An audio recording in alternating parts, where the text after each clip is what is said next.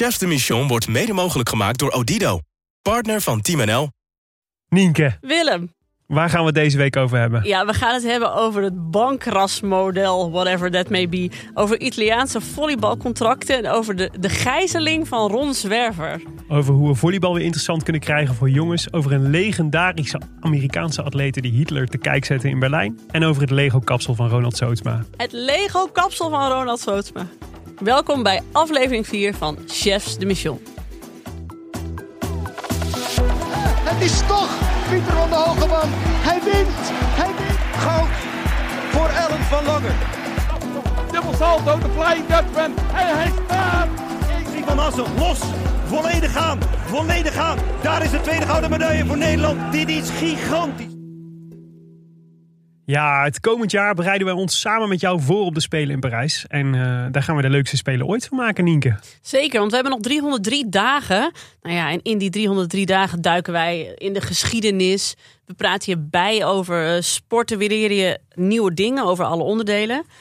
Nou ja, voor de ultieme voorpret dan, hè. En eh, een, een ideaal bankzitschema voor straks. Ja, en we zijn er al wel lekker op weg. Dus we gingen in aflevering 1 van Ellen van Langer naar het succes en de kansen van Femke Bol.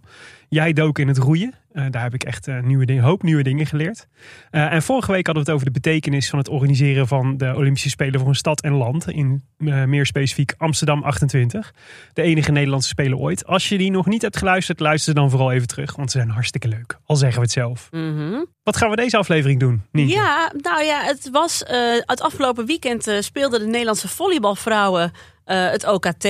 Dat begon hartstikke goed. Eh, winst tegen Tsjechië, winst tegen Oekra- eh, Mexico, Oekraïne.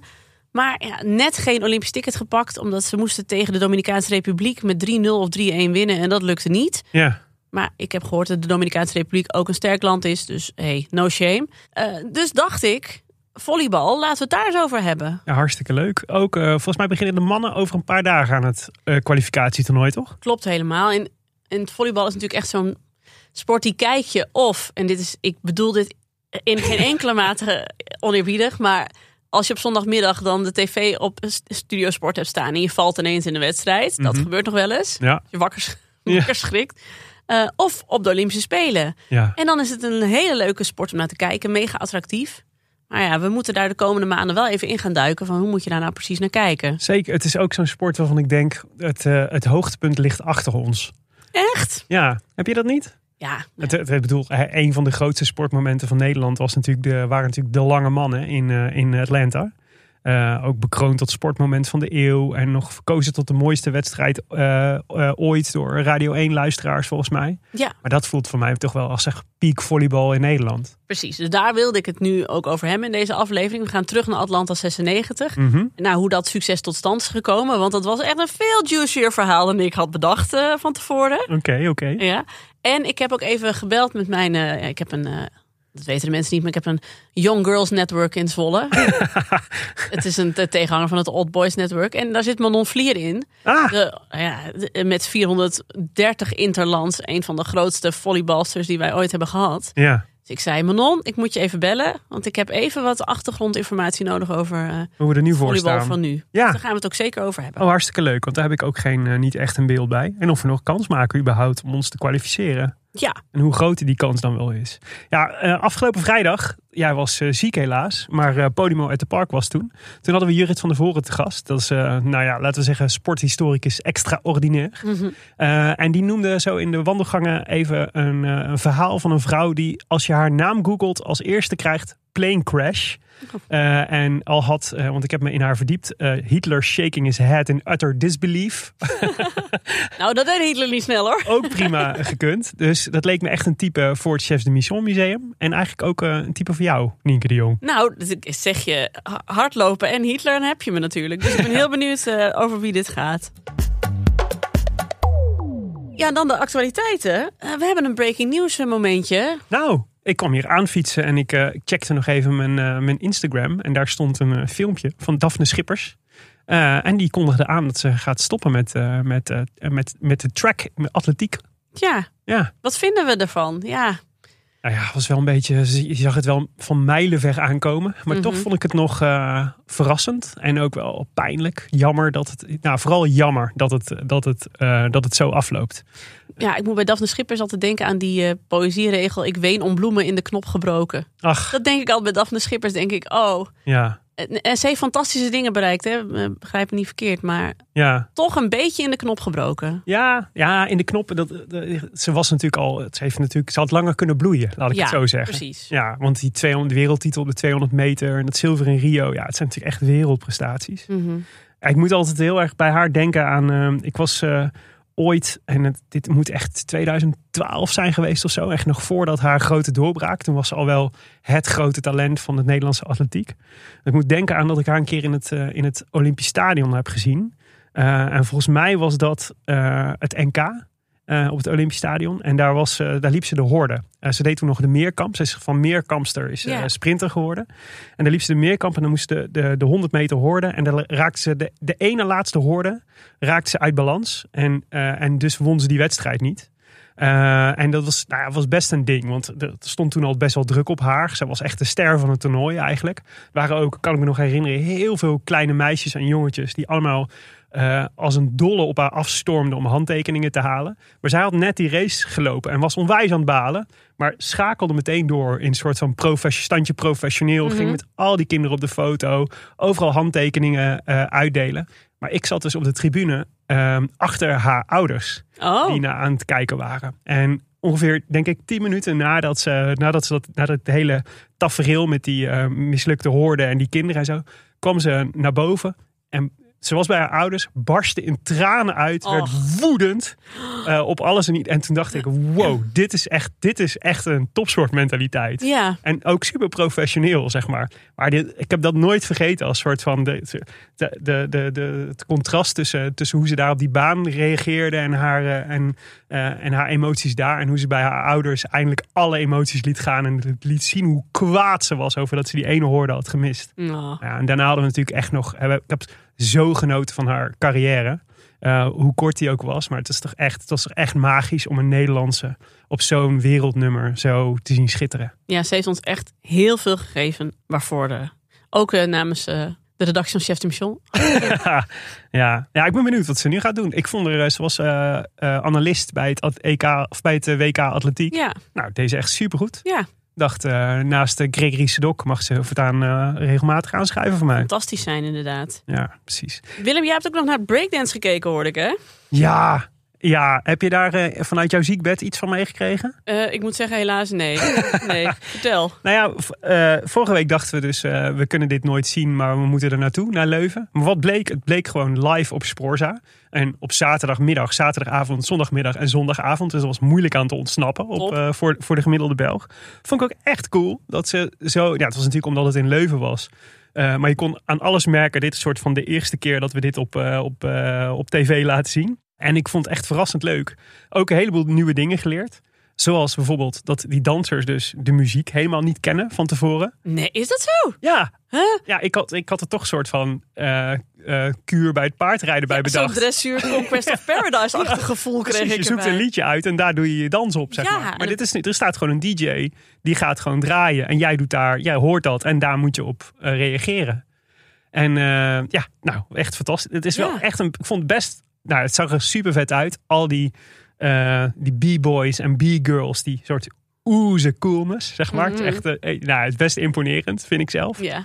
Ehm, en, ehm, maar nee, eh, het, ja, het is best moeilijk te volgen omdat het een jurysport is. En ze letten dan op een aantal verschillende eh, dus variëteit en creativiteit en hoe goed je de bewegingen uitvoert. Maar ik merkte, ik moest er echt nog even wennen aan. eh, aan ik vond het soms echt behoorlijk onvoorspelbaar wie er nou gewonnen had en Oh wie ja. niet. Terwijl dat voor de commentatoren dan vrij duidelijk was. Weet je wel? Dus je we ziet hebben, het hier, gewoon nog niet zo goed. we hebben hier voor Chef de Mission ook een aflevering nodig waarin we iemand, een, Ja. een prof erbij hebben die ons precies gaat uitleggen van Ja, waar je nou op moet letten. Nou, dat lijkt me hartstikke leuk. Leuk detail. Zo werden dus, eh, het, was, het was, werd gesponsord door Knoppers. Ja. Oh, die eh, koekjes. ja, Oh, lekker. precies.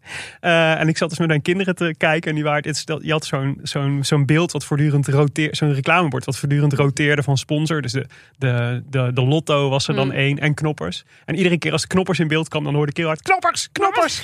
dus ons hele gezin had halverwege de dag dag enorme zin in chocowafels. Dat snap ik heel erg goed. Ja. Ja.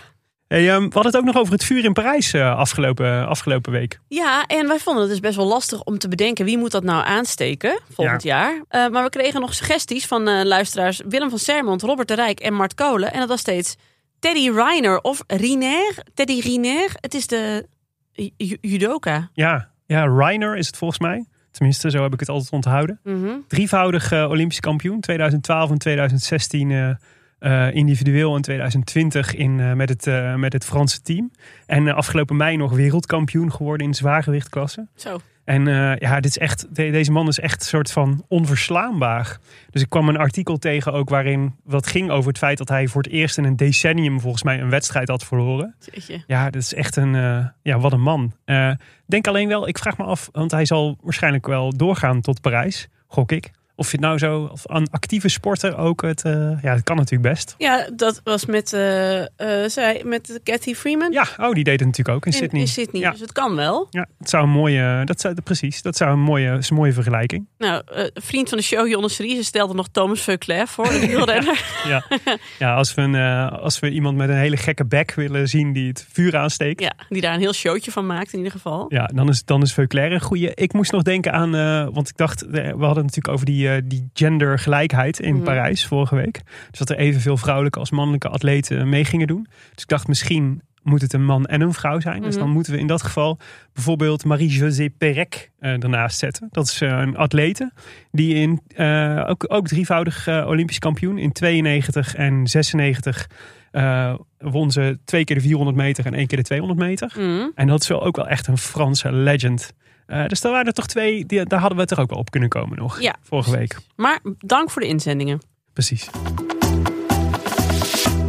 Nienke, jij hebt je verdiept in de lange mannen de afgelopen tijd. Ja, ik heb me verdiept in de lange mannen. En dat heb ik gedaan door een, eh, een NOS-aflevering van iets wat zij destijds Sport in Beeld noemden. Vernoemd naar ja, de oude naam van Studio Sport. Dat, waren, het was een beetje de voorloper van Andere Tijden Sport. Waarin Annette van Tricht in anderhalf uur ging kijken op Atlanta 96. Met Peter Blanchet en Ron Zwerver. Eh, een programma zoals ze het eh, heden de dagen niet meer zouden maken. Want het was echt alsof ze op een crematie zaten. Ja, ik dacht dat. Avital Selinger was overleden. Ja, echt. allemaal, allemaal mega serieus. Lekker veel fragmenten, dat wel. Ja, Wat ik daar heel fijn aan vond, was dat ik weer heel veel eh, de stem van Jan Stekelenburg heb gehoord. heerlijk, heerlijk. Wat echt een, een stem is die ik totaal associeer met het volleybal uit die periode. Omdat hij de vaste, vaste volleybalcommentator was. Ja, Jan Stekelenburg, de eh, eindredacteur van eh, onder andere de avondetappe die het afgelopen jaar is overleden. ja, Vader van Jeroen Stekelenburg onder andere. sowieso. Een van de voices of the 90s, wat mij betreft. Echt hè. Maar heb ik me dus even helemaal weer verdiept in, nou ja, Atlanta 96 en hoe zijn we daar gekomen.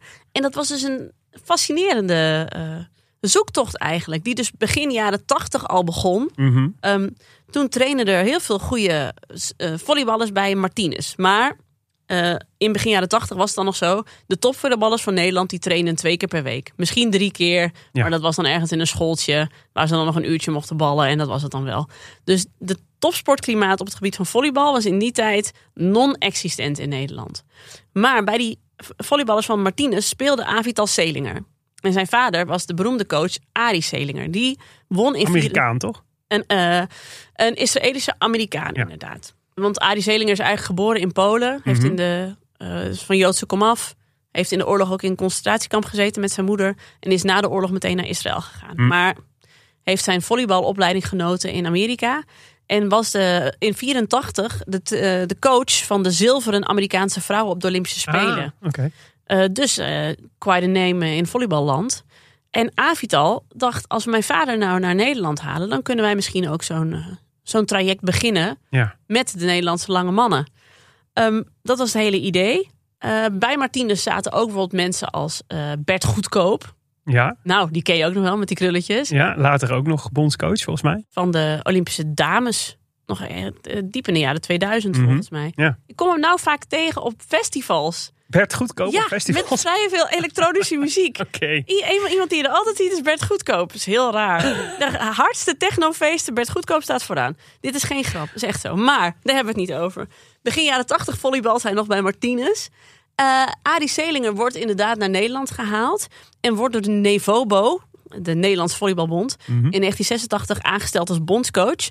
Nationale Nederlander wordt aangetrokken als hoofdsponsor. En het hele idee is, binnen drie jaar moet Nederland bij de vijf beste volleyballanden ter wereld horen. Nou heeft eh, Martinez eigenlijk twee eh, geledingen. Je hebt de jonge jongens en de oude jongens. Bert Goedkoop is een van de oude jongens.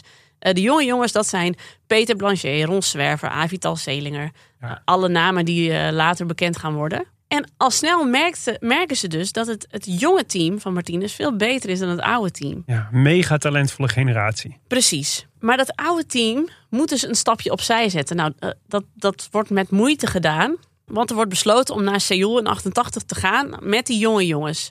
Ook met het idee, dat zegt Bert Goedkoop in die aflevering zelf ook. ehm, Nationale Nederland was een sponsor. Ze wilden die heel graag houden. Ze dachten, als we nou met die oude mannen naar Seoul gaan, dan gaan ze daarna, gaat Nationale Nederlanders zeggen, als dat een, als dat een farce wordt, hè, die Olympische Spelen. Ja, Einde project. laat maar. Ja. Met die jonge jongens kun je nog zeggen: oké, hey, ze zijn nu nog te jong, maar over vier jaar, wie weet, hè? Veelbelovend. Worden Dus- beter, ja. Precies.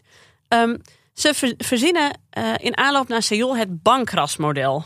En het bankras is vernoemd naar de sporthal in Amstelveen, Ja. waar ze trainen met Martinez. Ik, Ik, dacht, ik dacht al dat het een soort afkorting voor iets heel bijzonders, een soort, soort management speak was. ja, bankras. Ja, Ja. zoiets van nou ja, believe in yourself and your goals. En Billen, armen.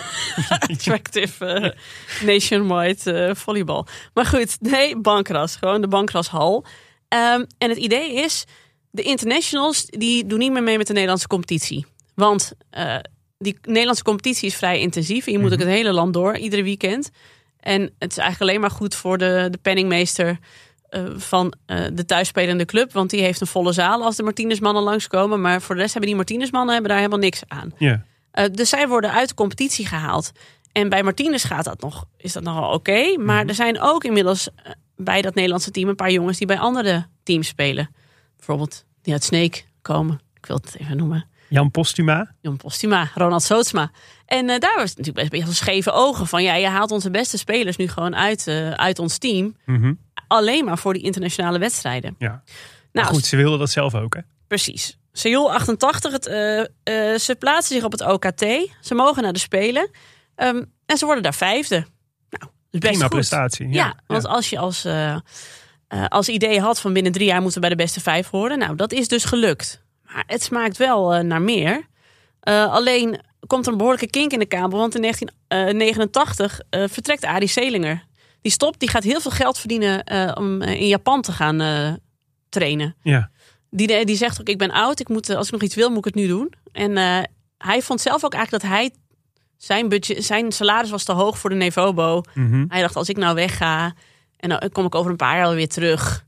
En dan kun je me dan wel betalen. Of dan kan ik dan in ieder geval minder vragen. En dan ga ik nu even cashen in Japan. Dan hoeven jullie me straks niet meer zoveel te betalen. Hij was natuurlijk ook wel echt de architect van dat bankrasmodel. En ook wel echt zo bijna een soort vader voor die jonge gasten. Die, Ja. En hij liet ze soms echt acht uur achter elkaar gewoon trainen. Hè? Dan wisten ze niet meer of het avond of nacht of ochtend was. Of wat de voorkant of de achterkant van hun eigen lijf was. Ja, Hij eh, maakte daar echt topsporters van. ja. En smeden dus ook echt een, een team. En hij vertrok ineens. Toen hebben ze ge- ge- gestemd. En Harry Brocking, zijn assistent, die mocht het over gaan nemen. Ehm, maar inmiddels, na Seoul, kwamen ook de aanbiedingen van de buitenlandse clubs. ja. In Nederland verdien je dus echt geen kont met volleybal. Nee. De, van de Nevobo kregen deze internationals 1500 gulden per maand. Ja, En dat was het dan. In Italië. waarvan eh, Peter Blanchet zei, dat maakte op zich niet zoveel uit. Want we trainen zoveel dat we toch geen tijd hadden om dat geld uit te Ja. geven. Dus ze kwamen er nog van rond ook. Maar ja, in Italië had je natuurlijk een enorme volleybalcultuur. En daar werden volleyballers vanuit het buitenland aangetrokken voor ja, honderdduizenden guldens per jaar. Dat is toch wel even wat anders. Ja. Ja, dat longt. Maar zij hadden natuurlijk die afspraak, dat bankrasmodel. Van wij zitten met z'n allen daar in die bankrassporthal. En wij trainen hier, want uiteindelijk gaan wij goud winnen. In Barcelona was het idee. Ja. En daar ga je niet weg. Dat mocht niet van Ron Zwerver. Ron Zwerver was eigenlijk echt ja, de leider van dit hele project. Hè? En zijn ook beste de vriend- beste, toch eigenlijk? Beste, ja. Ja. En zijn beste vriend was Peter Blanchet. Daar lag je altijd mee op een kamer. En die twee waren wel echt de, de, de karttrekkers van dit hele project. Mhm. Nou, allereerst gaat Jan Postuma al naar Italië. Nou, dat wordt hem nog wel enigszens vergeven. Is ook al een beetje ouder, toch? Hij was een paar jaar ouder. Ja. Hij kwam van Snake. Hij hoorde dus niet bij de originele Martinez-kliek. Ja. Dus nou ja, oké. En Jan Postuma is, als ik het een beetje inschat, ook niet een jongen die je kunt tegenhouden of zo. Dus Mhm. dat je hem nog kunt ompraten of zo. Ja. Ronald Sootsma vertrekt naar Duitsland. Maar dan op een gegeven moment... Oh nee, Peter Blanchet die tekent een contract om te gaan volleyballen op Sicilië. En hij heeft dus echt vijf maanden nodig gehad om dit aan Ron Zwerver te durven te vertellen. Hij durfde gewoon niet. Hij vond het zo verschrikkelijk. Ja. Dus hij, dit was echt een soort Judaskus voor het hele bankrasmodel natuurlijk. Ja. Dat hij daar wegging. Ehm, en nou ja, dus ja, Ron Zwerver was ook niet blij.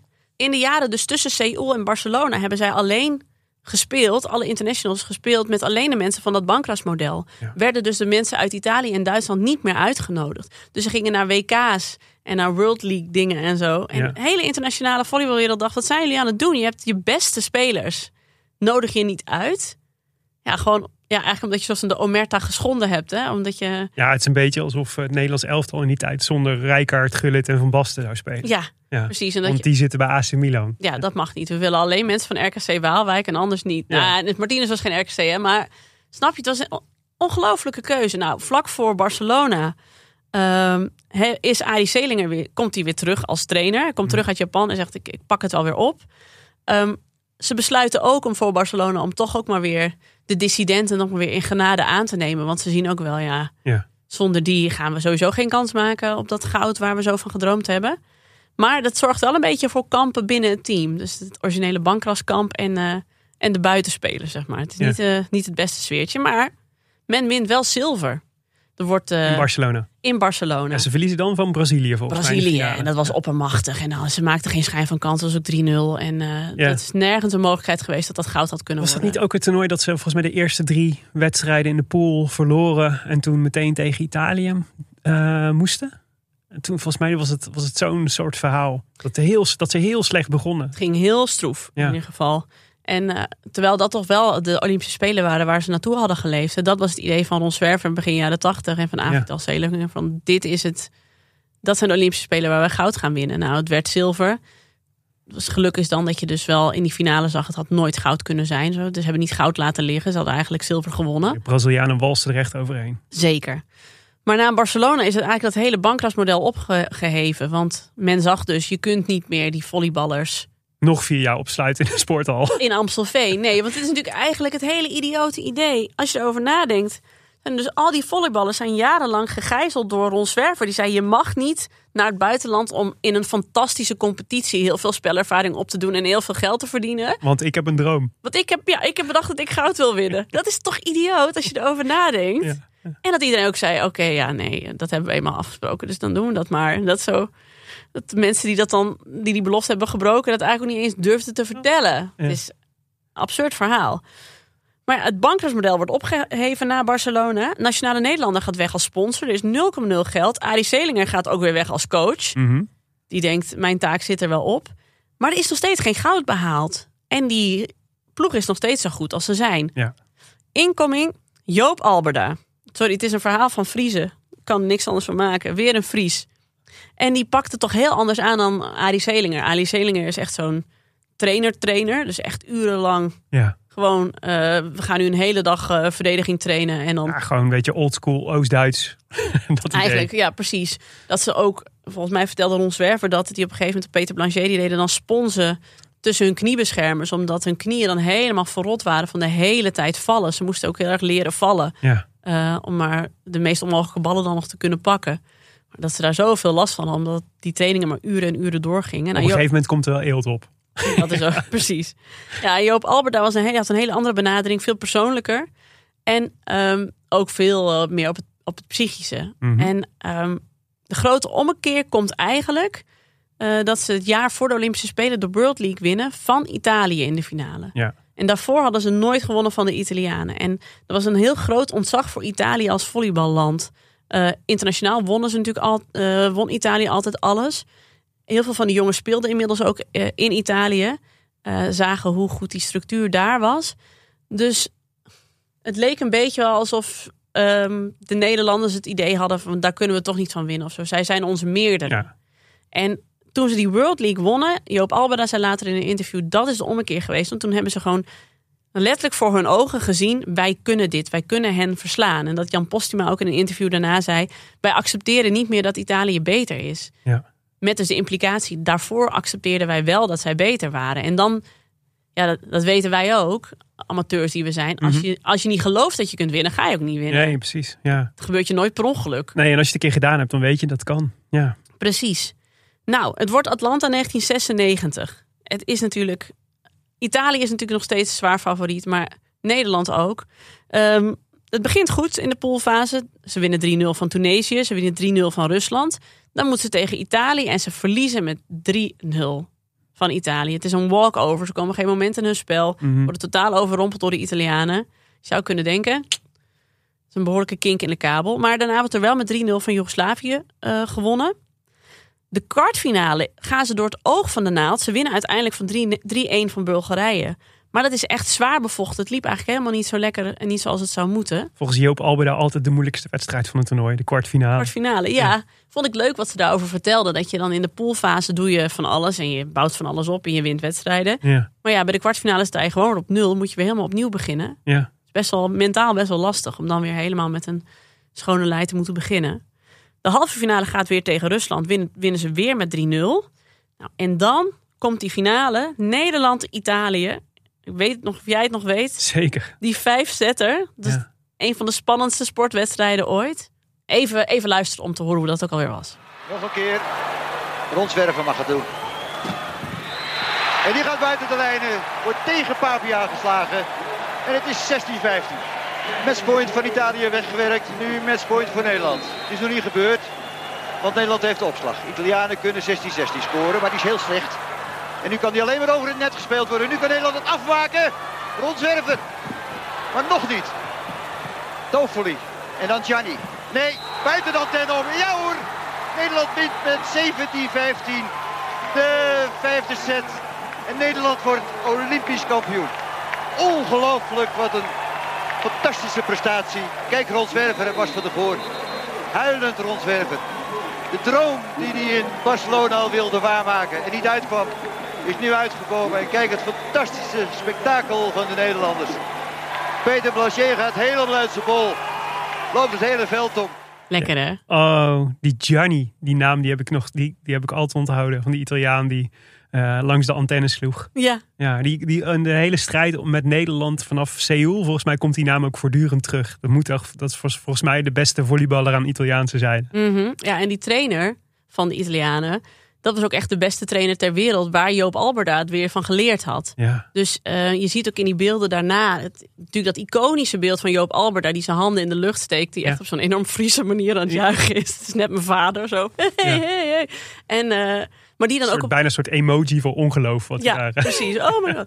En, eh, maar op een gegeven moment, die loopt dan ook al best wel snel naar de trainer van de Italianen toe. ja, En die omhelzen elkaar ook heel innig. Het is ook helemaal niet een van, eh, oh ik haat je, je hebt gewonnen. Maar meer van, ja, dit heb je echt heel knap gedaan, omhelzing. ja, Een soort van, ja.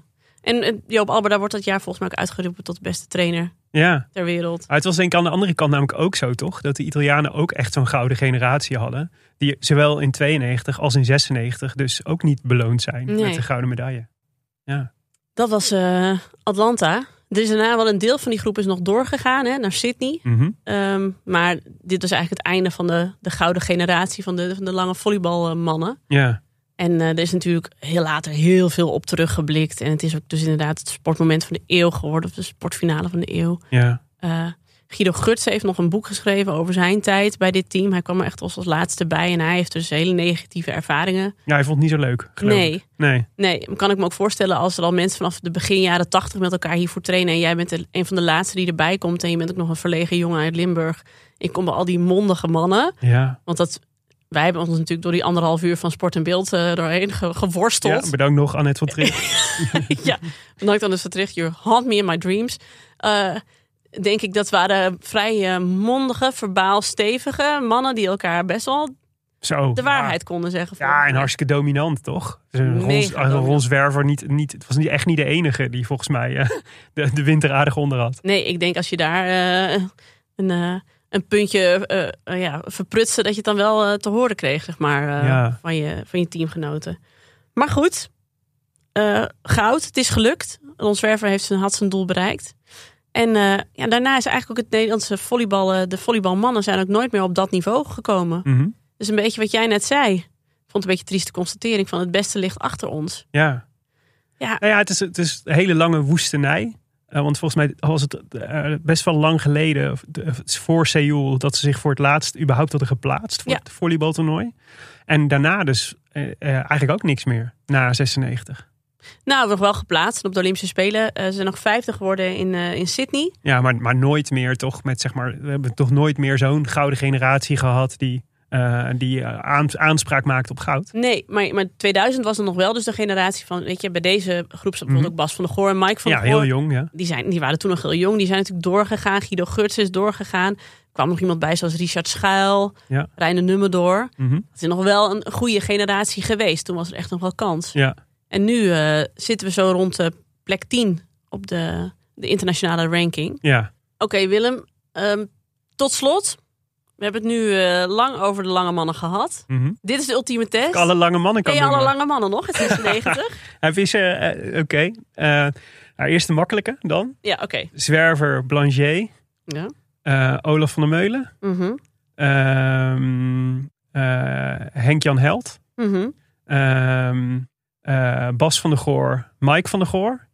ehm, eh, Jan Postuma. Micha Latuhin. Vind ik heel knap van je. Ja, ja, die zag ik zitten. En Die, dat was namelijk bij de... eh, in de ceremonie werd, zei Jan Stekelenburg over elke speler een, eh, een eh, leuk woordje van Bas van der Goor. Toch een van de, misschien wel het grootste talent dat Nederland de afgelopen jaren heeft voortgebracht. Mm. Maar Micha Latuhin zei hij een prima stand-in voor, voor, voor, voor de spelverdeler. Vond ik heel, heel magertjes. Ja, zielig. God, jeetje. Hoe heet die jongen ook alweer die toen zijn scheenbeen heeft gebroken op zo'n hele nare manier? Die was er ook bij. Ah, hoe heet die? Ah, Bre, Bre- eh, Bre- Brecht Rodenburg? Heel goed. Ah, hier ben ik blij mee. van de hel Ja. weggeleefd. Ja, precies. Oh, oh dat was zo'n... Weet je dat, ken je dat beeld nog Mhm. herinneren? Dat was zo verschrikkelijk. Ik denk dat dat het erg allerergste beeld dat ik ooit heb gezien. Dat hij op die volleybal ging- sprong Ja, en zijn been brak. nou misschien. Die gaan we niet in de show notes zetten. Nee, die zetten we niet in het eh Chef de Michel Museum. Nee. Eh, ik zou het verder niet weten.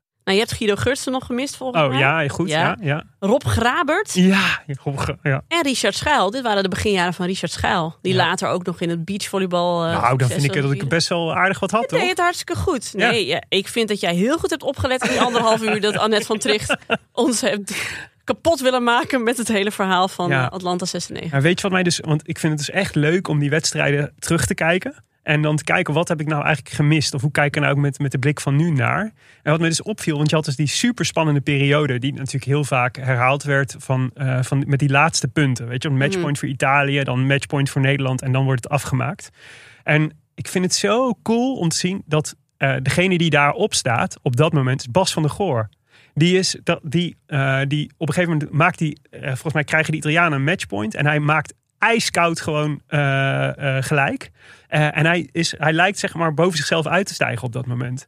En dat is fascinerend, want iedereen heeft het natuurlijk volgens mij altijd over Zwerver en Blanchet eigenlijk als de grote, de, echt, echt de grote mannen. Zwerver met name natuurlijk, wat echt de, de, de ster was van het Mhm. volleybal. Maar Bas van der Goor sleept daar wel volgens mij de, de Olympische titel voor de poorten van de hel weg. Terwijl het echt nog een piepkuik uit Os was in Ja. die tijd. Ja, En zijn broertje precies. helemaal. Ja. ja. Manienke, als we nu eh, kijken naar het volleybal nu. We, hebben het, eh, we hadden het net over de OKT's, die in ieder geval voor de vrouwen niet per se heel goed eh, afliep. Hoe, hoe staan we ervoor eigenlijk? Nou, daarvoor heb ik dus even gebeld met Manon Vlier. 430 maal international voor het Nederlandse volleybalteam. Ja, En ja, zij zei mij, eh, van, ze zei, ik vond het in ieder geval heel erg fijn dat je bij die vrouwen, je zag een, een, een team dat plezier maakte in het veld. Mhm. Ze zagen er heel ontspannen uit. Ze het zei, team van het OKT nu. ja, het OKT-team. Ze zei, ik weet nog van mijn tijd, dat als een OKT was, dan speelde je toch altijd gespannen, omdat het, ja, het, het ging er echt om. En dat je dan soms niet lekker in je spel kon komen, omdat je te gespannen was. Maar ze zei, ik zag hier echt, ik zag ze met een bepaalde onbevangenheid spelen. En ook ehm, eh, alsof, het, alsof het een, een normale international was en niet een, Ja. niet een OKT. En dat vond ze eigenlijk wel heel erg fijn. Ehm, ja, je weet natuurlijk van tevoren dat de eerste twee maar een, een startbewijs voor Parijs krijgen. Eh, dat is toch al best wel lastig. Ehm, eh, ze hebben wel van China gewonnen. Eh, dat was dan wel heel goed en, en verrassend. Ja. En Manon zei, ja, ik dacht toen ze tegen de Dominicaanse Republiek moesten, van Mhm. oké, ehm, eh, Moeten dat doen zijn. moet te doen zijn. Want zij, in mijn tijd was de Dominicaanse Republiek. Daar hadden we altijd leuk spel tegen. Maar dat was niet Mhm. het beste team. Maar die speelden gewoon hartstikke strak. Dus het was gewoon heel duidelijk. Dit gaan we niet, eh, dit gaan we niet winnen. Eh, maar dat verrassend luchtige spel, dat was me nog wel opgevallen. En dat vond ze op zich wel positief voor de komende tijd. Ehm, en het is ook wel fijn, omdat ehm, tegen, vroeger was het zo dat je iets van drie OKT's had. Eentje rond deze periode, dan eentje in januari, februari en dan nog eentje in mei. En nog een herkansing. Precies, en dan waren die laatste, die laatste OKT, eh, er was er nog één ticket of zo te verdienen. Helemaal eh, voor de poorten van de hel. Mhm. Ehm, nu is het zo dat je één OKT hebt. Nou, er hebben nu twee mensen, twee teams hun eh, tickets voor gekregen. En de andere worden bepaald aan de hand van de internationale ranglijst. Ah, ja. En ze zei, dat vind ik eigenlijk veel eerlijker. Ja. Want ja, dan wordt er gewoon gekeken naar hoe doe jij het in de Nations League. En hoe heb je het afgelopen jaren gedaan. Ja. Ehm, dus dan ligt niet meer die enorme druk bij zo'n OKT. Waar, waar je het dan per se moet doen. Precies, en zo'n OKT vraagt gewoon ook heel veel van die, eh, van die volleybalsters. Want eh, je hebt altijd ook nog je, je gewone competitie waar je in volleybalt. En elke keer weer een internationaal toernooi tussendoor waar je voor moet opladen, waarvoor je met elkaar moet trainen. Mhm. Eh, die spanning die opgevoerd wordt, dat, is, dat vergt veel van een speler. Dus het is eigenlijk gewoon veel beter dat we dat één keer doen en daarna gewoon eh, lekker de ranglijst laten bepalen. oké. Dus daar was zij wel blij mee. En zij dacht dus wel, eh, we staan nu tiende geloof ik op de ranglijst. Ze zei, volgens mij komt dat wel goed. De beste elf mogen naar de Olympische Spelen. Klinkt nog wel een beetje spannend. Klinkt nog een beetje spannend, maar Manon had daar veel vertrouwen in.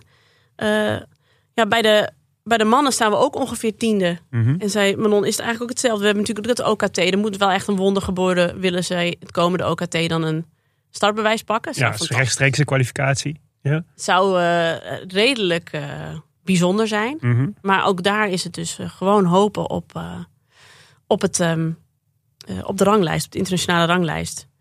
En maar ja, wat het, het lastige is, is dat na corona zijn eigenlijk de, de, de, de, de binnenzaalsporten in Nederland een beetje aan een vrije vlucht eh, begonnen. En eh, Ja. not in a good way. Eh, Er zijn steeds minder mensen eigenlijk die gaan volleyballen. Ja. En bij de vrouwen zijn bij ons hier nog wel een soort constante stroom van talent dat eraan eh zit te komen. Eh, je hebt nu bijvoorbeeld eh Sarah van Alen, die speelt hartstikke goed. Die speelt ook in Turkije, wat een mega sterke competitie is. Oh ja, is dat het nieuwe Italië? Ja, Turkije is het nieuwe Italië, inderdaad. Eh, je hebt uh, Nika Daal erop. Die, die begon eigenlijk net toen Manon bijna klaar was met, uh, oh ja. met volleyballen. Dat is nu echt zo'n vaste waarde. Weet je? Dat zijn echt mensen waar je op kunt bouwen. Mm -hmm. En die stroom van vrouwen, dat loopt dus wel lekker door. Maar bij de mannen zien ze dus wel dat dat een beetje staakt. Oh ja. Dus het is eigenlijk voor ons nu de vraag, Willem. Ik wil hem ook bij jou opgooien. Misschien kunnen onze luisteraars ook meedenken. Ja. Hoe gaan we nou volleybal weer leuk maken voor jonge jongens? Ja. Ja, jeetje. Ja, goede vraag. Nou ja, kijk, het eerste waar ik dan ook naar neig is, denk ja, we hebben gewoon uh, we hebben een nieuwe ster nodig. Weet je wel, die ja. mensen kan inspireren. Dus uh, de, waar is de nieuwe Ron Zwerver? Mm -hmm. Zou je eigenlijk willen weten.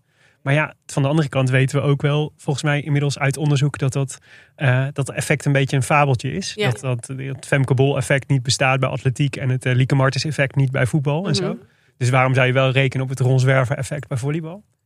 Ja, jeetje, wat zou je kunnen doen? Ja, ik zou zeggen, weet je, vaak gaan sporten soort van evolueren naar wat sneller en dynamischer. Want het is natuurlijk best een, ja, voelt het toch altijd nog steeds als een beetje een soort statische sport. Het voelt Ja. ook wel heel, misschien is dat ook gewoon omdat dat beeld is wat ik heb, maar het voelt ook super 90s. In zo'n zo'n muffe sporthal. Voelt heel Rucanor voor jou. Ja, heel erg Rucanor, ja. Ja. Zo'n muffe sporthal en dan zo net niet lekker zittende shirtjes en zo. En uh, stekeltjeskapsels. Ja, ja, nou beschrijf je gewoon Ronald Sootsma, zeg het maar. Ja. Precies. Nee, maar dat is het wel. Het is natuurlijk... Het is, niet, het is niet net als. Kijk, als ik dan naar.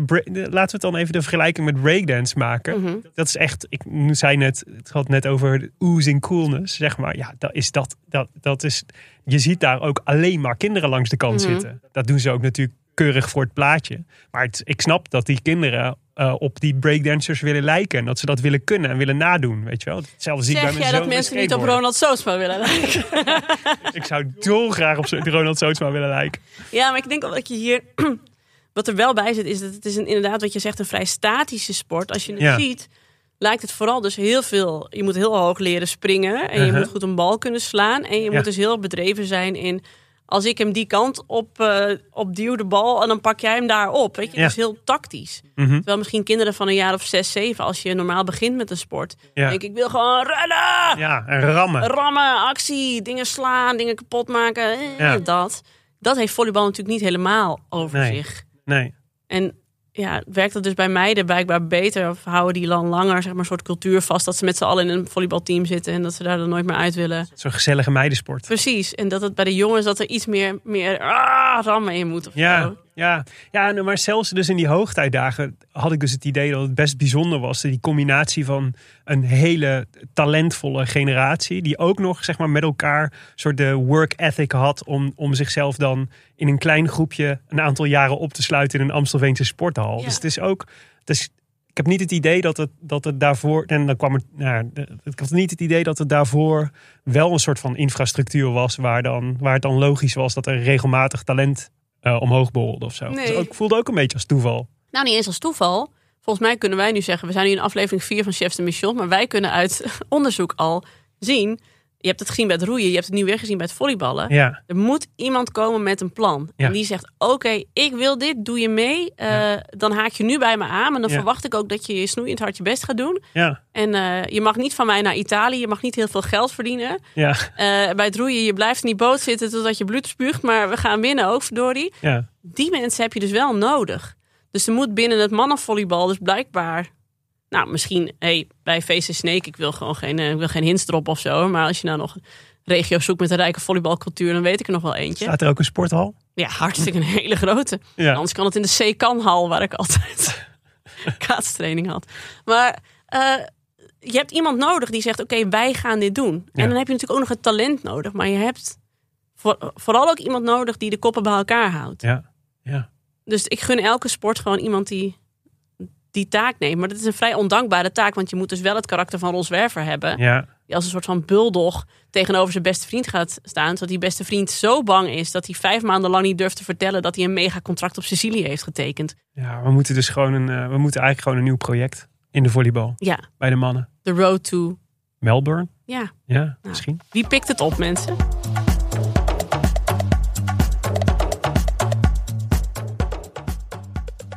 Elke week kiezen we ook uit de roemrijke geschiedenis van onze Olympische Spelen een eh, nieuw en bijzonder Olympisch werk voor in ons Chefs de Mission Museum op Instagram. Het kan een, eh, een bijzondere foto zijn, een foto van een bepaald moment of een sporter die we weer even uit de vergetelheid willen halen. Of nou ja, een combinatie van, eh, van die drie dan. Mhm. Willem duurde ook deze week in ons museum. Ja, Betty Robinson. Zegt me niks. Nee, ik wou ook vragen, had jij ooit van haar gehoord? Dat zou Mm. namelijk wel moeten, eigenlijk. Nee. Ehm, ja, sorry, we gaan toch nog even terug naar Amsterdam 1928. Het is een gaatje stokpaardje worden. Ik voel het nu al. Eh, precies, Eh, want eh, daar liep een vrouw en wiens verhaal echt Chefs de Mission Museum written all over it heeft. Betty Robinson dus. Ehm, en als je haar googelt, dan is de eerste suggestie die je krijgt Betty Robinson plane crash. Oh, Not good, denk je dan. nee, nee. Nou, wie was Betty Robinson? Betty Robinson eh, begon met atletiek eh, toen ze 16 jaar was. Eh, en ze werd ontdekt door haar biologieleraar. Die zat op een zekere dag zat hij in de trein. zag haar aankomen, de trein vertrok. Hij zag haar aankomen rennen omdat de trein, ze de trein nog, zou, nog wilde halen. Maar hij dacht, dat gaat ze nooit meer halen. Want die trein die, die was al vertrokken. Die, die, die reed al op, op aardige snelheid. Hij dacht, ja, Des, jij bent veel te laat. Wat schetst zijn verbazing? Even later stapt Betty Robertson doodgemoedereerd zijn coupé binnen. Netjes. Alsof er niks gebeurd is. Helemaal rustig. Eh, gaat, gaat tegenover hem zitten. Hij is natuurlijk meteen gefascineerd. Dus hij vraagt daar, heb je wel eens gerend? Zit je op atletiek? Doe je iets met... Nou, nee, allemaal niet waar. Toen vraagt hij, mag ik je een keer, mag ik een keer je tijd klokken? Kijken hoe hard je echt kan. En dat doet hij dan de volgende dag. Gaan ze, gaat hij eh, in, in de gang van, de, van haar high school. Die is dan ongeveer 50 meter. Zegt hij, trek eens een sprintje, dan ga ik het timen. Hij timed helemaal eh, over de moon. Over wat voor bizar snelle tijd zij neerzet. Mhm. Hij zegt dan, jij moet met de jongens mee gaan trainen. Want de meisjes hadden in die tijd geen eigen atletiek. eh, de- want je hebt onmiskenbaar heel veel talent. Nou, dat blijkt. Want het is dan eh, ongeveer begin van 1928. Dus ongeveer een half jaar voor de Olympische Spelen. Mhm. En op 30 maart 1928 loopt ze pas haar eerste 100 meter.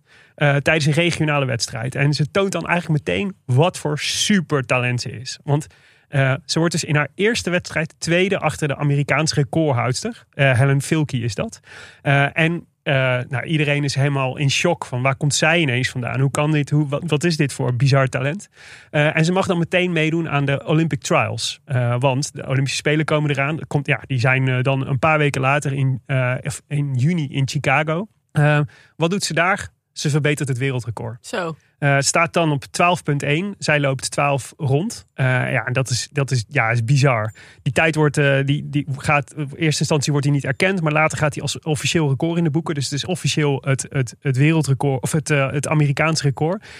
Ze wordt dus tweede. Eh, en daarmee plaatst ze zich dus voor de Olympische Spelen in Amsterdam. Nou ja, dat is dus echt eh, eh, bizar. En zij bevindt zich dan opeens, waar we het vorige week over he- hadden, op het schip naar Europa. Want die hele Olympische Amerikaanse delegatie, die gaat negen dagen lang varen naar Amsterdam.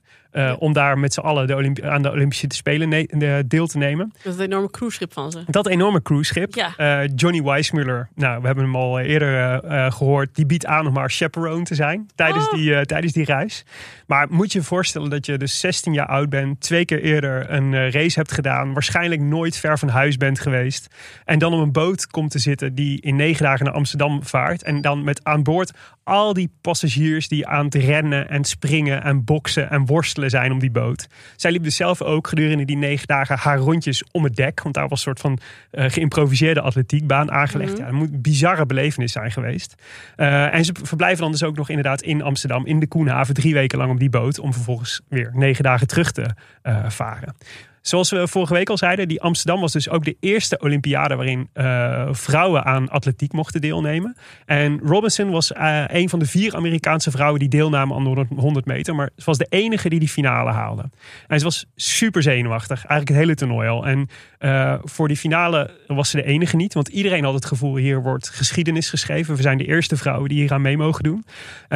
Bij haar uitte dat zich bijvoorbeeld doordat ze twee linkerschoenen had meegenomen Oh. vanaf de boot. En dus iemand op het laatste moment voor de finale heen en weer moest sturen naar de Koenhaven om haar rechterschoen te halen. Ze had zich er eigenlijk al bij neergelegd. Ja, ik moet denk ik op blote voeten lopen, want dit gaat niet, dit gaat niet werken. Net op tijd. Eh, maar ik zei al, ze was de enige niet. Er was een Duitse die een valse start maakte. Een Canadese die een valse start maakte. En zoals het toen ging, was als je een valse start maakt, lig je eruit. Mhm. Dus er waren nog maar vier deelnemers over. En ehm, eh, waaronder eh, de, dus een Canadese van favoriet, Fanny Roosevelt heet dat. Dat was de wereldrecordhouder. Eh, en zij, die Robinson denkt, ik moet haar, Betty Robinson, ik moet haar in de gaten houden. Eh, die Fanny Roosevelt heeft een slechte start. In tegenstelling tot, eh, tot Robinson, die als een speer uit de, uit de startblokken loopt. Eh, ehm, Roosevelt komt dichterbij, maar eh, uiteindelijk, ze komen vrijwel tegelijk over de finish. Eh, maar Robinson krijgt de, de, de, de overwinning. Mhm. Eh, Canadezen gaan nog in protest, want het was niet een fotofinish. Dus het was, er ging gewoon zo'n zo'n eh, zo'n lint waar Oh, je, ja, ja, wat je als eerste moest aanraken. En er stond de jury om te kijken wie er als eerste doorheen ging. Lekker oldschool. Wat haar wel geholpen heeft, is dat die hele Amerikaanse delegatie onmiddellijk haar overwinning begon te vieren. Oh, De- slim. Heel slim, dus Ja. eh, voor de perceptie is alles. Fake Maar zo werd zij it. dus met 16 jaar nog steeds, en dat is ze nog steeds, eh, de jongste kampioen op de 100 meter in de Olympische geschiedenis. Eh, die 100 meter die jouw geliefde Flojo later, jaren later, 60 jaar later, ook won. Ja. Ehm, en dat, dus die overwinning in Amsterdam, die gouden medaille, maakt haar vanzelfsprekend een ster. Nou ja, de volgende Olympische Spelen, 1932, zijn in een thuisland in Los Angeles in 1932. En Robinson wil natuurlijk haar titel in, eh, op de 100 meter verdedigen. Ze heeft eigenlijk bedacht, ik wil daar in 1932 wil ik nog eh, goud winnen, mijn titel verdedigen. En daarna ga ik lekker coach worden. En dan word ik professional en dan kan ik tenminste betaald worden. Want in die tijd moesten, waren ze natuurlijk allemaal amateurs. Ja, ja, ja. Maar dan komt 28 juni 1931. Betty Robinson is naar eigen zeggen echt in de vorm van haar leven. En dat is ook wel, eh, wordt ook wel bewezen, want ze loopt echt record na record. Echt elke, elke sprintafstand die ze loopt, daar, eh, daar loopt ze wereldrecords. Eh, maar die 1 28 juni 31, vol zomer, super warme dag. Zij doet als, heeft als hobby dat ze af en toe gaat zwemmen. En ze wil dat eigenlijk gaan doen, maar haar coaches zeggen nee, we hebben liever niet dat je gaat zwemmen. Want, trainingsopvatting in die tijd, dan train je andere spieren dan die je nodig hebt om te sprinten. Zij dacht, eh, oké, dan ga ik niet zwemmen. Wat kan ik dan doen om af te koelen? Dus bedenkt zich dan, hey, mijn neef heeft een vliegtuig. Ik kan ook een stukje gaan vliegen met hem. Eh, want daar zal ik ook wel van afkoelen. Nou, goed idee op zich. Eh, haar neef heeft een klein tweepersoons vliegtuigje. Heeft net zijn vliegtuigbrevet gehaald. Eh, dus dat moet kunnen. Zij stapt in. Ze, ze stijgen op tot ongeveer een meter of 150. Dan valt de motor uit. En het vliegtuig stort in een duikvlucht naar beneden. Jeetje. En ze storten neer. Ehm, reddingswerkers bereiken ze eh, na een tijdje en zien eigenlijk eh, beide lichamen onder een enorme eh, puinzooi liggen van de, de restanten van het vliegtuig. Allebei bewusteloos. Betty Robinson ziet er niet uit. Ze heeft een gebroken linkerarm. Haar linkerbeen ligt volledig in de kreukels. Totaal verminkt. Een snee van 20 centimeter over haar gezicht. Eh, eh, en dus bewusteloos. En die, de man die haar uit het puin trekt, die, die vreest eigenlijk het ergste. Die, zegt, die eigenlijk concludeert hij, eh, als ze nog niet dood is, dan, dan gaat ze het elk moment. Legt haar in de, in de kofferbak van zijn auto en rijdt haar naar een bejaardenhuis, wat dichtbij is. Omdat hij daar een vriend had die begrafenisondernemer was. Hij Oh. ging er eigenlijk vanuit, dit, is, dit is een verloren zaak. En hij dacht gewoon, die gaat, die gaat dood. Maar we hebben het over een meisje van, hoe oud is ze dan? Zij is dan eh 19. Zo. Ja, meisje van 19. Ehm, Robinson heeft eh, gelukkig niet onmiddellijke behoefte aan een begrafenisondernemer. Maar haar toestand was wel echt extreem kritiek. Ehm, wonder boven wonder blijft ze leven. Ze, is dan, eh, ze brengt elf weken in het ziekenhuis door. Ze is dan weer bij bewustzijn, dan weer buiten bewustzijn.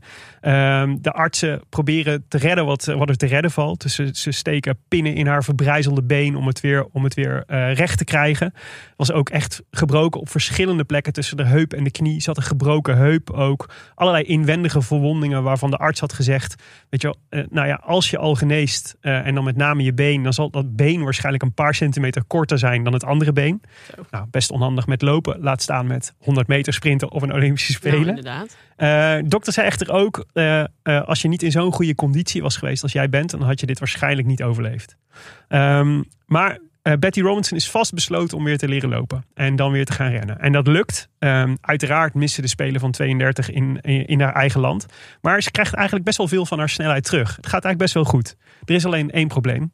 Ehm, dat korte been. Mhm. Eh, door haar vliegtuigongeluk kan ze haar knie niet meer genoeg buigen. Eh, en dat is lastig, want eh, ze starten natuurlijk op de 100 meter in zo'n hurkstart, in zo'n Ja. hurkhouding. En dat kan zij niet meer. En daarmee is ze eigenlijk kansloos voor de 100 meter sprint. De oplossing? De estafette. Oh ja, dan hoef je, als je niet de eerste bent. Dan hoef je niet in zo'n hurkhouding te starten. ja. En te rennen, sprinten kan ze nog steeds. Dat is dan in Berlijn in 1936. Ja, precies. Die spelen van Hitler. Ehm, daar maakt ze toch deel uit dus van de Amerikaanse atletiekploeg op de estafette. Zij loopt, ze is de derde loopster. Eh, en ze loopt eigenlijk een meter of tien achter de Duitsers. Die lopen, die lopen voorop. En die liggen dus eigenlijk in gewonnen positie. Want hun snelste en sterkste loper moet nog komen. Maar dat geldt op zich voor de Amerikanen ook. Eh, namelijk de nieuwe Olympisch kampioen Helen Stevens loopt, zou het laatste stuk lopen. Eh, maar die Duitsers zijn dus favoriet en die lopen voorop. Maar tot afgrijzen van Hitler op de tribune eh, laten in gewonnen positie het stokje vallen. Sukkels. Hier zou je dat 999 fragment goed Ja. kunnen monteren. Ehm, en dus is de overwinning voor de Amerikanen met Betty Robinson back from the dead. Nou, Ehm, nou, atleten keren terug naar, eh, naar eh, Amerika, worden als helden onthaald. Er is zo'n enorme ticker-tape-parade in New York City. Met natuurlijk Jesse Owens in de voorste auto. Vier gouden medailles die eh, Hitler echt voor schut heeft gezet daar. Eh, in de eerste auto, en maar in de tweede auto daarna de dames van de, van de vrouwenestafette. Met Betty Robinson. Met allemaal confetti-kanonnen om zich heen en juichende New Yorkers. Precies, en Ja. Fanfares en alles. Ja, te gek. Ehm, haar laatste Olympische daad. eh, nou ja, je had het net over, eh, over de lange mannen. Atlanta 96. Daar was Betty Robinson ook. Oh, Zij eh, was toen eh 84, hartstikke fragiel. Maar zelfs een van de fakkeldragers. Eh, de Olympische vlam werd door heel Amerika gedragen eh, op weg naar Atlanta. Zij was een van de, eh, een van de draagsters. Eh, kon het eigenlijk niet meer aan, maar wilde het per se. In pure wilskracht heeft ze de, de fakkel een stukje gedragen en doorgegeven aan de volgende. Eh, drie jaar later, in 1999, eh, stierf ze. Eh, maar ja, wat een verhaal. Wat een levensverhaal. Ja, maar echt. Dat je eigenlijk eh, bijna met je, met je voetjes omhoog in het mortuarium bent gelegd. Ja, Door iemand die je uit een vliegtuigwrak heeft gepulkt. En eh, vier jaar later win je gewoon nog een keer Olympisch goud. Precies. Nou, wat, ik, wat ik sneu aan vind, is dat ze. eh, ik zei net, wat is het eerste wat je krijgt als je googelt? Namelijk Ja. Betty Robinson plane crash. Terwijl we hebben het hier over een tweevoudig Olympisch kampioen die een vliegtuigongeluk heeft overleefd. Ja, We zouden het veel meer over haar atletische prestaties moeten hebben. eh, dan, dan over de, dat, dat freak accident wat ze, wat ze heeft overleefd. Dat maakt, geeft een en ander natuurlijk wel een soort van meer cachet of zo. Maar het gaat uiteindelijk natuurlijk over dat ze de jongste 100 meter Olympische kampioene ooit is. Ja, want het verhaal was eigenlijk al een chef de mission museum waardig. Ja. Op het moment dat zij goud wint in Amsterdam. Nadat het, het is haar derde wedstrijd ooit. En ze is zeg maar, op atletiek gezet door haar docent. Al dat verhaal is alleen al Ja, goed genoeg. laat staan dat ze Hitler voor lul heeft gezet. Precies. Supermooi. Supermooi. Dankjewel. Ons eh, Chefs de Mission Museum kun je vinden op Instagram, het Chefs de Mission. En heb je nou suggesties? Stuur ons dan even een bericht via Instagram. Dan bouwen we samen aan een hele vette collectie.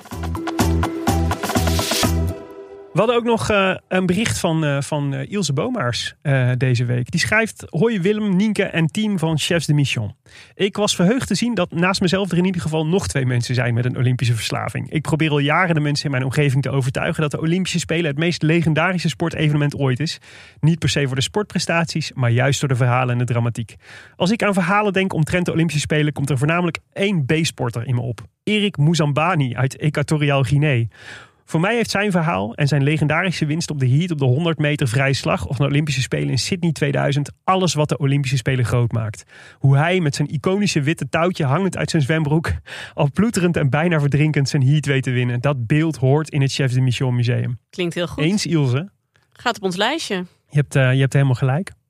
Nienke, wat eh, gaan we volgende week kijken? Ja, ik ga dus wel lekker het OKT volleybal kijken eh, in China. Ehm, het is te zien op Ziggo Sport. En ik ben echt heel erg benieuwd eh, hoe de mannen het gaan doen. Eh, de NOS zal ons ook wel op de hoogte houden van hun vorderingen daar. Ja, Nou, dit begint eh, aankomend weekend toch, volgens mij? 30 september beginnen we. Ja, Superleuk. Nou, dat is dezelfde dag als dat ik start met kijken naar het WK Turnen in Antwerpen. yeah. Eh, dat is volgens mij gewoon te zien bij NOS Sport. Dat zal dan waarschijnlijk op de livestream zijn. Extra leuk, Simone Biles keert, keert terug voor het eerst op dit WK. De Simone Biles. De Simone Biles. De Simone Biles. Dat altijd als mijn kinderen iets van turnen willen zien op Ja. YouTube. Dat we altijd haar zitten te kijken. Ik vind haar zo buitenaard. Ja, zij is echt te gek hè? Ja, Ja, nou ja, eh, er, er is verder nog een heleboel te zien. Je kunt naar beachvolleyballen, naar paardenspringen, naar Paralympisch zitvoetbal, of, eh, zitvolleybal kijken, naar skateboarden in Rome. Eh, maar goed, laten wij het bij turnen en volleybal houden. doen we dat. In Chefs de Mission volgende week gaan we ook turnen. Lekker. Ja, en mocht je vast een zin hebben in een juicy story tot die tijd, dan hebben we nog wel een podcast tip voor je. Eh, seizoen 1 van Blind Landing over een turnschandaal bij de Olympische Spelen in Sydney. Echt een bizar turnschandaal waar ik eigenlijk helemaal niks van had meegekregen. Terwijl het toch een Olympische Spelen zijn die ik vrij bewust heb meegemaakt. Ja. Ehm, en voor de volgende, dat is Blind Landing dus. Eh, zoek hem op in je podcast app. En voor de aflevering van volgende week spreken we dan onder meer met de maker van die podcast, Ari Sapperstein. Eh, en die kan heel veel vertellen over hoe dat precies, of over de hoed en de rand van het turnschandaal in Sydney. Niet te verwarren met Arie Selinger. Dat is niet. ja, dit was aflevering 4 van Chefs de Mission. Gepresenteerd door jouw Chefs de Mission, Willem Dudok en Nienke de Jong. Deze podcast is een productie van Dag en Nacht Media. En de redactie is in handen van Maaike van Leeuwen en Jip van Meel. Als je wil reageren, dat kan. Je vindt Nienke, mij en het Chefs de Mission Museum via Chefs de Mission op Instagram. Geef ons daar ook alsjeblieft je tips voor mooie onderwerpen waar we het absoluut eens over moeten hebben in Chefs de Mission. Wij zijn inmiddels verslingerd aan onze leuke inbox. Ja, en vond je deze show nou leuk? Nou, abonneer je dan op onze feed en geef ook sterren. En tip die show ook eens een beetje aan een paar vrienden en zo. Want dan eh, ontdekken meer mensen Chefs de Mission. En dat is leuk voor jou. Want zo groeit bij iedereen de voorpret richting de Spelen. Nou, en dat is wat wij willen. Met de Olympische groetjes van uw Chefs de Mission. En tot volgende week.